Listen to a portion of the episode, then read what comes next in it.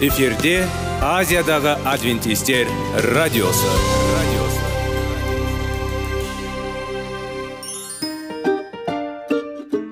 Сәлем достар. Денсаулық өмір бұлағы және біздің бірінші байлығымыз демекші денсаулық сағаты рубрикасына қош келдіңіздер.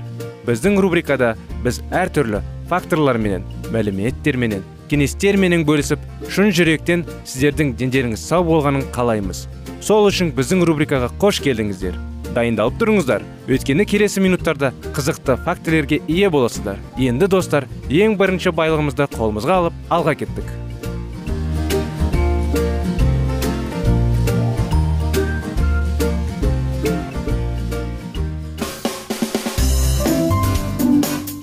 Денсаулық туралы хабар.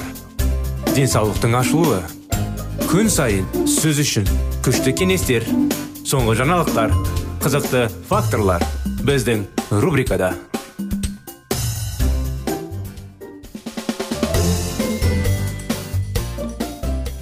сәлем достар құрметті біздің радио тыңдаушыларымыз біздің денсаулық сағат бағдарламамызға қош келдіңіздер құрметті достар біздің салауатты болу салауатты өмір салты тақырыптарына сізге қарай ұсынып сіздерге жалғастырып бергіміз келеді күніне екі рет ұзақтығы 30 минут 3 километр жаяу серуендеу жасаңыз дейді бір апта ішінде бұрынғы диетаны сақтай отырып шамамен жарты килограмм ағзасыңыз бұл артық калориядан құтылудың және темекі шегуден пайда болатын ниетін жеңілдету ең жақсы жолы тонус дейді арттыру үшін сондай ақ босаныстыру үшін жанама әсерлер мен қарсы көрсеткіштер бар химиялық стимуляторлар мен транквилизаторларға қарағанда физикалық жаттығуларға көп көңіл бөліңіз құдай сыйлаған жеңіс. Адамдар сендерге уәде берген балалар олар мәсіхтің рақымын қабылдаған кезде ғана олардың толымдылығына болуы мүмкін екенін білу керек. Оның рақымы адамға құдайдың заңдарына бағынуға күш береді. Ол оны зиянды әдеттерден шығуға қабілетті етеді. Бұл адамды сақтап оны дұрыс жолда ұстауға қабілетті жалғыз күш. Неге адам темекі шегеді? Неге темекі түтінумен созылу ниеті адамдар өз ілгегіне байлап әдетке айналады. Менің жағдайымда темекіні қолға алу ересек өмірдің басталуы. Өз бетінше шешім қабылдау мүмкіндігін бейнеледі. 80-ші жылдардың басында шылым шегетін әйел бұл стильді болды. Керемет деп көрінетін. Мәскеу мемлекеттік университетінің журналистика факультетінің талапкері болған жаңа әуестеушілігім ортанатын. Студенттер мен аспиранттар шылым шегуден кейін оқытушылармен курстық және дипломдық жұмыстарды диссертацияларды талқылаған кезде маған демократиялық болып көрінді. Темекі менің бүкіл өмірімнің ажырамас бөлігі өте тез болды. Оған және шынаяқ кофеден мен өз күнімді бастадым. Онымен маңызды істерге иемдіріп босаңсып қалдым. Темекі шығармалық процестің маңызды бөлігі болатын. Оның кез келген көріністеріне жазушалық темекі шегуден бас тарту жақсы екенін ұғыну бірден келді. Әсіресе таңертең мазалайтын жөтел үйреге айналды. Басқа да кемшіліктер болды. Түтіндеген киімдер мен шаштар арнайы тыныс алу шаршаған бет түтіккен шаш көзді қызған. Бірақ ең бастысы бұл әдеттен құтылу оңай емес. Бұл марка твен сияқты шылым шегу оңай. Мен мұны жүз рет жасадым. Шынында да мен қанша әрекет жасадым. Дәл сан құдай мен періште ғана біледі. Әрбір сәтсіз әрекетпен темекі шегуге тырысып бәрін өшірдім. Ал сіз әлсіз ерікті өзің өзі бағалай аласыз. Менің құрбаларымның құрбыларының бәрінің бірінің анасы әрбір темекі бұл шайтан үшін шам екенін айтты. Сондықтан ол да бар өйткені құдай мен адамдардың жауы денсаулықты сұлулықты уақытты отбасыдағы өзара қарым қатынаста ақшаны және адам жанының өзің өзі ұрлау өлтіру үшін бәрін жасайды. Өз денеңізге қарсы бірдене жасай отырып біз шын мәнінде шайтанға табынамыз. Ал егер ол сағат сайын орын алса стресстік жағдайларда тіпті жиі ондай үнемі бас иеміз. Бір тәулік ішінде темекі саны отызға жақындап келгенде мен қалжыңнан қорқып тұрмын не істеу керек? Мен үшін мен үшін. Және менің темекі тұтқанына босату бар жалдар. Шамамен 18 жыл. Анам күрескен сияқты. Оның шексіз маралдары мені бас тартқанда қорқыныш жас. Сонымен қатар ол сенуші адам ретінде менің өлім әдетінен босату туралы көп дұға етті. Мен де өзімде темекі тұтқыннан арылу туралы дұға еттім. Өйткені маған тек ғажайыптар ғана көмектесе алатынын түсіндім. Жетінші күн мәсіхшілер адвентистердің шіркеуінде ал кейде мен темекіні тастағысы келетіндер үшін арнайы бағдарламалар бірнеше рет өткізілді. Осы бағдарламаның арқасында көптеген адамдар шылым шегуге деген құштарлықты жеңе алды. Бірақ менің жағдайым ерекше болды. Дегенмен дәл осындай бағдарламада мен антиреклам сигарет темекі толық суретін алдым. Күн сайын бір жарым сағатқа зиянды әдеттен арылуға ниет білдірушілер тобы жиналды. Бағдарлама барысында бейнеклиптер слайдтар өлім жітім статистикасы арқылы темекі шегудің салдарын көрсетілді. Адам темекі шегудің бастаған себептері туралы айтылады. Қатысушыларға темекіге тәуелділікпен байланысты өз сезімдерімен бөлісуге мүмкіндік берілді. Бұл бағдарлама маған шылым шегуден болатын зиянды түсінуге және бағалауға сондай ақ болашаққа зиянды әдеттің салдарын еңсеруге қатысты кейбір құнды ұсыныстарды қолдауға көмектесті. Мен темекіні қалай және неге тастадым? Бірнеше фактор өз рөлін ойнады. Бірінші кезекте зиянды әдетті қалдыру қажеттілігін түсіну және денсаулық жағдайының нашарлауына байланысты мұны істеу ниеті болды.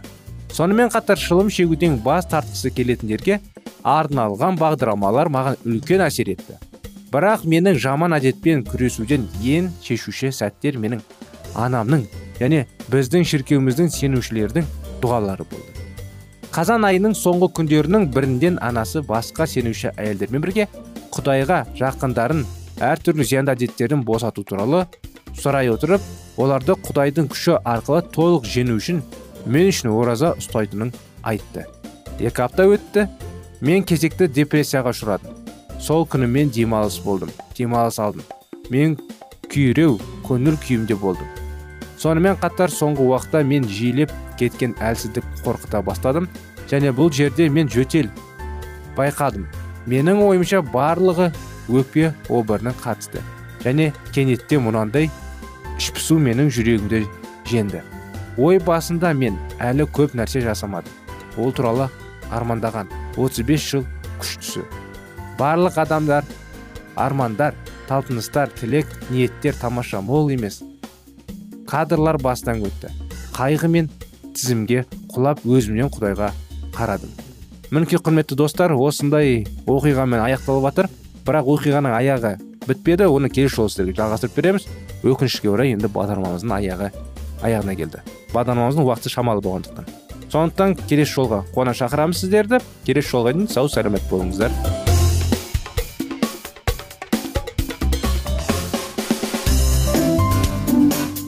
Денсаулық туралы хабар. Денсаулықтың ашылуы. Күн сайын сөз үшін. Күшті кеңестер соңғы жаңалықтар қызықты факторлар біздің рубрикада.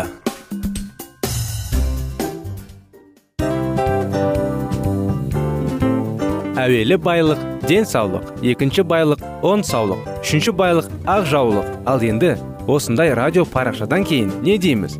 Барлықтарыңызға денсаулықтарыңыз зор болсын деп тілейміз.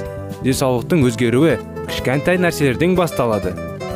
Осымен біз берген кеңестер мен мәліметтер шын жүректен сіздер үшін қандай да бір болсын жәрдем берді деп үміттенеміз. Тыңдаушыларымызбен келесі радио парақшасына дейін қоштассамыз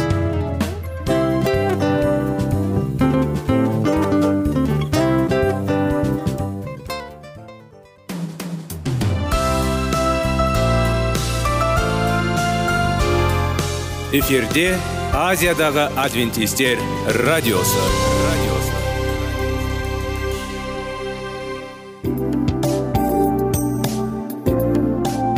Сәлем достар.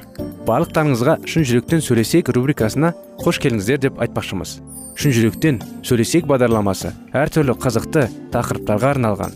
Шындығында шын жүректен сөйлесейік деген сөздің мағынасы екі достың екі адамның ортасындағы шын жүрекпен сөйлесуі бір біріне сенуі ашықтық пен шындықты білдіреді. Сол үшін біздің бағдарламалар әртүрлі қызықты тақырыптарға арналған. Дайындалыңыз жаңа қызықты мәліметтерге ие болуға. Ондай болса кеттік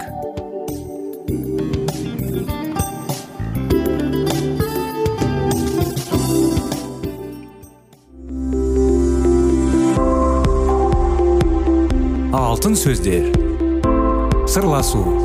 Қарым қатынас жайлы кеңестер мен қызықты тақырыптар. Шын жүректен сөйлесейік рубрикасында.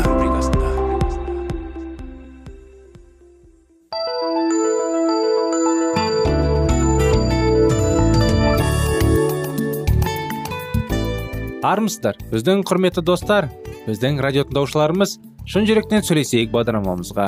Қош келдіңіздер. Әрі қарай сіздермен бірге баланың жүрегіне бес қадам тақырыптарын жалғастырудамыз. Біздің бағдарламадан алыстамаңыздар.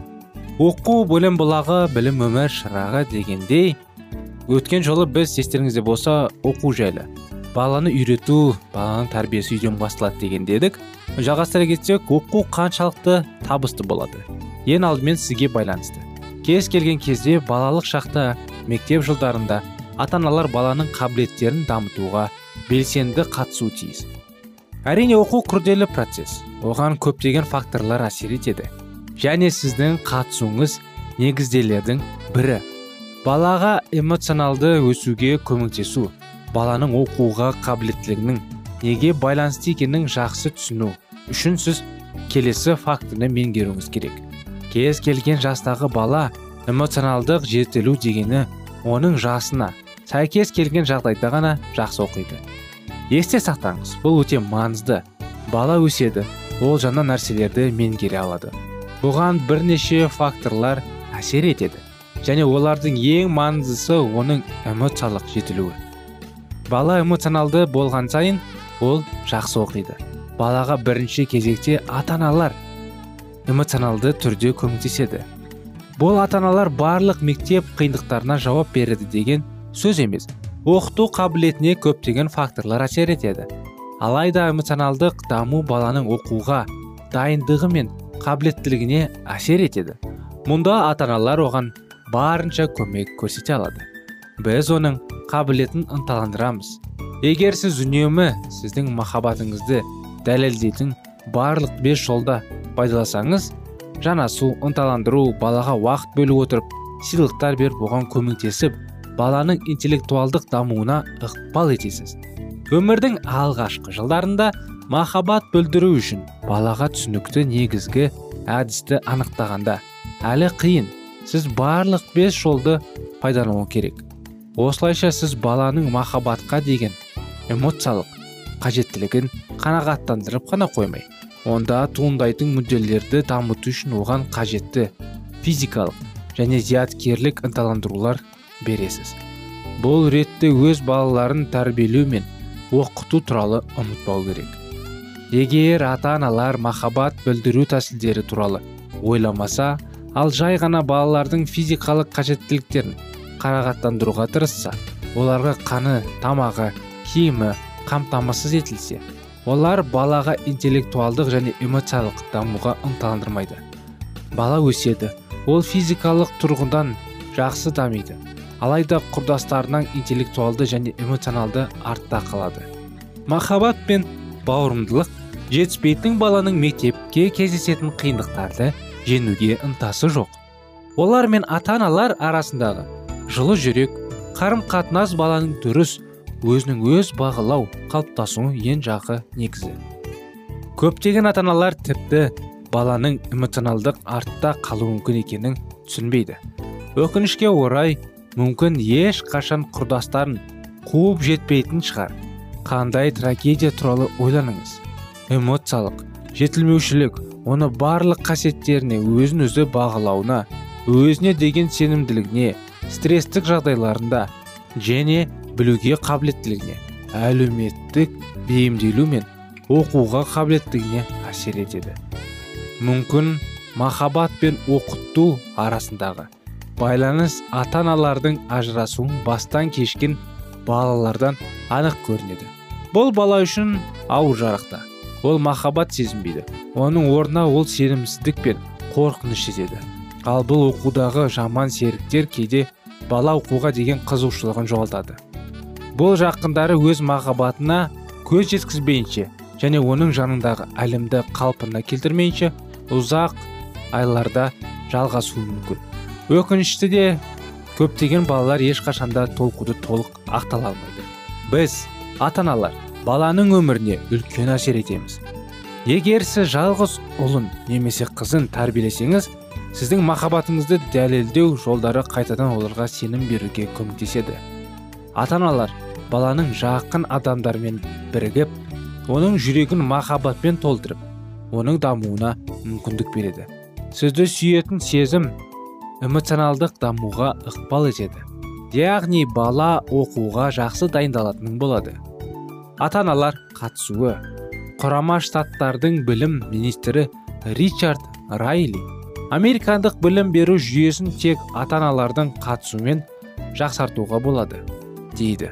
Іс жүзінде 1996 жылы жүргізілген зерттеуге сәйкес ата аналары мектепке белсенді түрде көмектесіп жүрген оқушылар қалған балалардан әлде қайда жақсы үлгілерді алайда жалпы көрініс өте қатты. Орта мектеп түлектері білім деңгейін бойынша 48-нің құрдастары арасында соңғы орын алды. Басқа да дамыған елдердің сонымен қатар қабілеттің жоқтығы емес оқуға деген құлшыныс деп жазады лоренс стейнберг өзінің сынып қабырғалары үшін. Неге мектеп реформасы құлап кетті және ата аналарға не істеу керек кітабында? Стейнберг психология оқытушысы осылайша балаларды ата аналарда білім беру жүйесіне назарлық білдіреді және қоғам талаптарына бағынғысы келмейді деп санайды. Стейнберг жүргізген зерттеу 20 мыңнан астам оқушының қамтып үйрелі нәтижелер берді. Жоғары сынып оқушыларының үштен екісі ата аналармен мектеп туралы сирек айтады. Балалардың жартысы үйге жаман белгі әкеледі. Және ата аналар бұл қамқорлық емес. Үштен бірі ата аналардың оқу туралы түсініктірген жоқ деп санайды. Міне біздің құрметті тыңдаушыларымыз осымен бағдарламамыз аяғына да дереу келіп қалды. Осындай анықтамалар баланың жүрегіне бес қадам тақырыптарында сіздермен бірге шын жүректен сөйлесейік. Бағдарламасы келесі жолға дейін сау болыңыздар.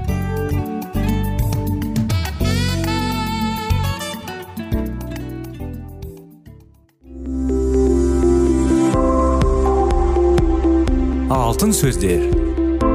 Сырласу. Қарым қатынас жайлы кеңестер мен қызықты тақырыптар. Шын жүректен сөйлесейік рубрикасында.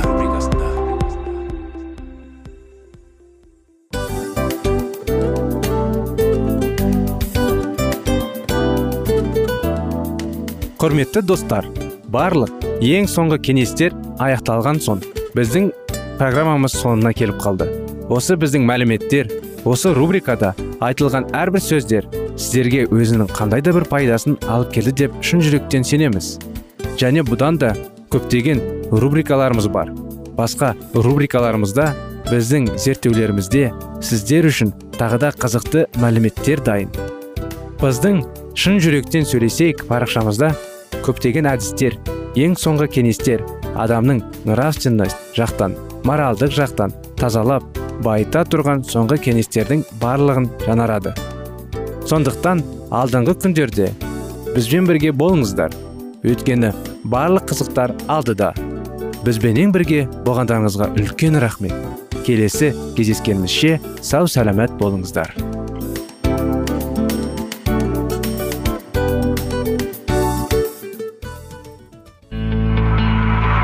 Жан дүниеңді байытқан жүрегіңді жаңғыртқан өмірдің мағынасын ойландырған рухани жаңғыру рубрикасы.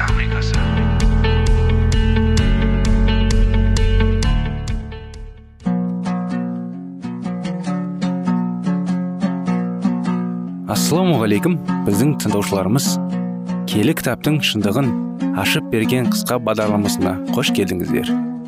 Барлығынан жоғары жаратушы біздің қарыңғылықта жалғыз қалдырып қойған емес. Өйткені ол келешекте не болу керек екенін киелі кітаптың парақтарында ашып береді. Немесе келіңіздер бізге қосылыңыздар. Жаратушы бізге нен ашып бергенін зерттейміз. Ассалаумағалейкум армысыздар.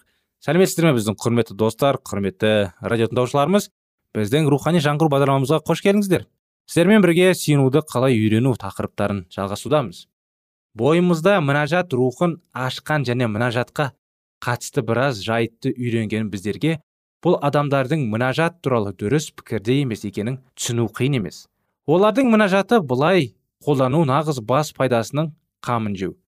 Мінажатты бұлай қолдану оның мәнісіне мүлде қайшы келеді.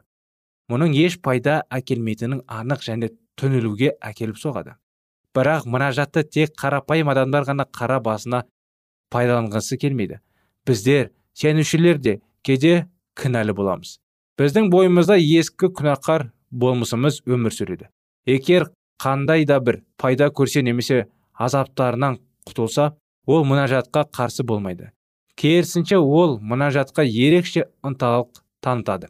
Бізге мұнажатты бас пайдамызға жаратуға бәріміздік бейім екенімізді және оның әрбір сенушінің бойынан әп сәтте көретінін байқаймыз. Маттай жазған ізгі хабардан 20 тараудың 20 мен 23 аяттарында біз осындай дұрыс емес орындалмаған мұнажаттың әдеттігі мысалын көреміз. Зебедейдің әйелі исадан екі ұлына олар өмір артқандай оның алда құрылатын патшалығының жоғары қызмет беруін сұрады. Әрине олардың тілектері аңғалдық болатын. Бұл екеуі петрмен бірге исаның өзге шәкірттерінің арасында ерекше дәрежеге ие болатын. Енді олар алда болатын патшалығында өздерінің жоғары қызметке ие болатындарын исаның қазірден кепілдік бергенін қалайды. Қалған он шәкірт мұны естігенде ағайынды екі жетікке қатты наразы болды. Ал иса бұған басқаша қарайды. Ол жай ғана олардың тілектерін орындамайтынын айтады. Өзінің неге олай істей алмайтынын оларға достық пейілмен түсіндіреді. Оның үнінде үніндегі жалалық пен мейірімділікке біздің де жанымыз жадырайды. Бұл жерде біз исадан барлық мұқтаждықтарымызды қанағаттандырып қиындық пен қауіптілік аталуына алып тастауына өтінген кезде оның бізге қалай қарайтынын көреміз. Ол біздің күткеніміздей ашуланбайды. Ол бізді түсінеді және мұнажатты қалай пайдалану керектігін түсіндіруге тырысады. Өзімшілдігімізден мұнажатта бас пайдамыз үшін сұраған кезімізде мұнажаттың рухы деп дәл осыны істейді. Мұнажаттың мәнісі бұл емес екенін ол достық пейілмен мейірімділікпен сезімізге салады және біздің дұрыс сүйінбағанымызды керсетіп береді. Ол саусағын дәл біздің ауырып тұрған жерімізге тигізеді. Алғашында біз оның түсінбеуіміз мүмкін. Біз тек мұнажат кезінде және соңынан ішкі мазасыздықты сезінеміз. Ал содан соң мұнажатымыздың орындалмағанына куә боламыз. Адал сенуші үшін бұл жеткілікті. Ол өзін және мұнажаттың тексере бастайды. Рухта онымен сөйлесе бастайды. Ол мұнажатты бас пайдасына жаратып жүрегінің ұғады және жақыптың сұрасындар да ие бола алмайсыңдар. Себебі ізгі ниетпен емес арам құмарлықтарыңды қанағаттандыру үшін сұрайсыңдар. Деген сөзінің өзіне қатысты екенін түсінеді. Осының түсінуген сәтте ол таңданып қалады және сонымен бір мезгілде құдайдың ісі мен мәсіхшілер еңбегін мұқтаждықтары туралы өтініштерінің оның өзінің қатысуына тәуелді екенін сезініп алайда бастайды. Мысалы өз үйінде жиын болар алдында ол мұның құдай батасын берген игілікті сағаттар болуын сұрап үлкен ынталықпен сыйынар еді. Ал егер дәл осындай жиын көршісінде болар алдында ол бұл үшін сүйінуді ұмытып кетеді. Егер жиналыста уағыз айтуға немесе куәлік етуге тиіс болса онда ол қайта қайта мұнажат етеді. Ал егер уағызды басқа біреу айтуға тиіс болса оның мұнажатындағы жалын жеткіліксіз.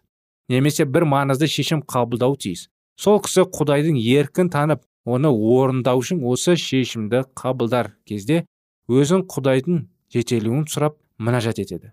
Бірақ содан соң ол өз мұнажатының құдайдың еркін тануға емес құдайды осы еске іске қатысты өз жоспары мен өз еркін орындауға және батасын беруге оны құптауға бағытталғанын байқайды.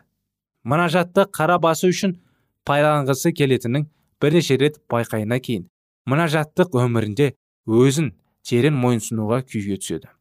Ол жүрегінің өзімшілдігін көреді және мұнажаттық өмірің осы сезімнің қаншалықты жайлап алғанын сезінеді. Бұл оны бар жүрегімен тәңірім маған сиынуды үйретші деп дауыстауға мәжбүрлейді. Сонда оның мінажаттық өмірінде өзгеріс болады.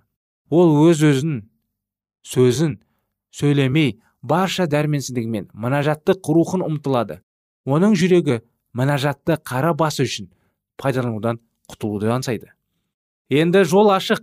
Мінажаттың мәні не екенін және оны құдайдың еркіне сай қалай қолдану керектігін келі рух оған үнемі көрсетіп отырады.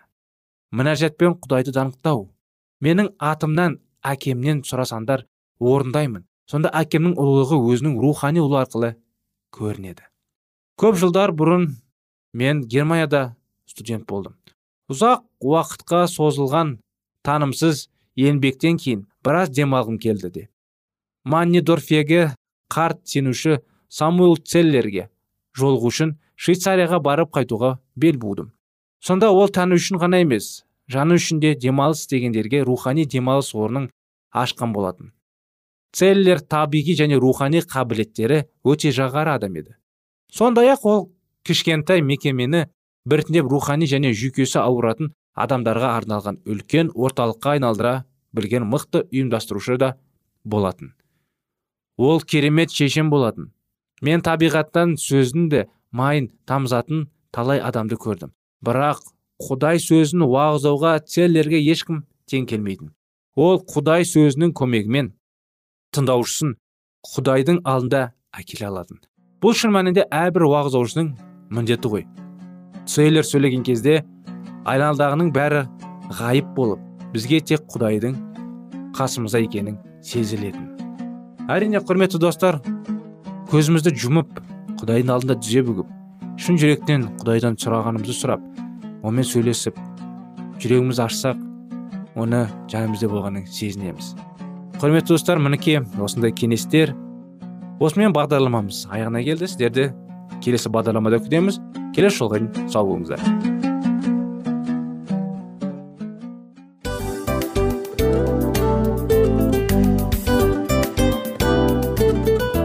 Осымен достар программамыздың зерттеуіміздің ең қайғылы минутына жеттік. Қайғылы дегенде бағдарламамыз тез арада өтті де кетті. Соған көңіліміз түсейін деп тұр. Жарайды қайғыны қояйық бүгінгі 24 сағаттың алтындай жарты сағатын бізге бөліп арнағаныңыз үшін рахмет. Егер де өткен сфераларда пайдалы кеңес алған болсаңыз біз өзіміздің мақсатымызға жеткеніміз. Тыңдаушыларымызбен қоштасу уақыты келді. Келесі кездесулерді сағынышпен күтеміз. Жарты сағатты кездесуіміз көз ашып шапқанша дем арасында өтіп кетті. Бірақ бізде жақсы хабар бар. Келесі зерттеулерімізде сөзсіз кездесеміз. Өйткені көптеген сюрприздер қызықты мәліметтерді және керекті нәрселерді көбін дайындадық. Бүгінгі күндеріңіз өзгеше позитивті болсын. Жақындарыңыз аман есен болсын деп тілейміз. Жаратқан ие барлықтарыңызға батасын берсін. Істеген істеріңіз игілікті болсын. Келесі кездескенше сау саламат болыңыздар. Достар біздің бағдарлама бойынша сұрақтарыңыз болса әрине сіздерге керекті анықтама керек болса біздің whatsapp нөмірімізге хабарлассаңыздар болады. Плюс бір үш жүз бір жеті жүз алпыс алпыс жетпіс. Иә достар сіздер қателеспедіңіздер бұл біздің номерлерге ұқсас болмаса да бұл whatsapp номер арнайы. Хабарласыңыздар сұрақтарыңызды қойып тұрыңыздар. Анықтаманы алып тұрыңыздар. Плюс бір үш жүз бір жеті жүз алпыс алпыс жетпіс whatsapp номері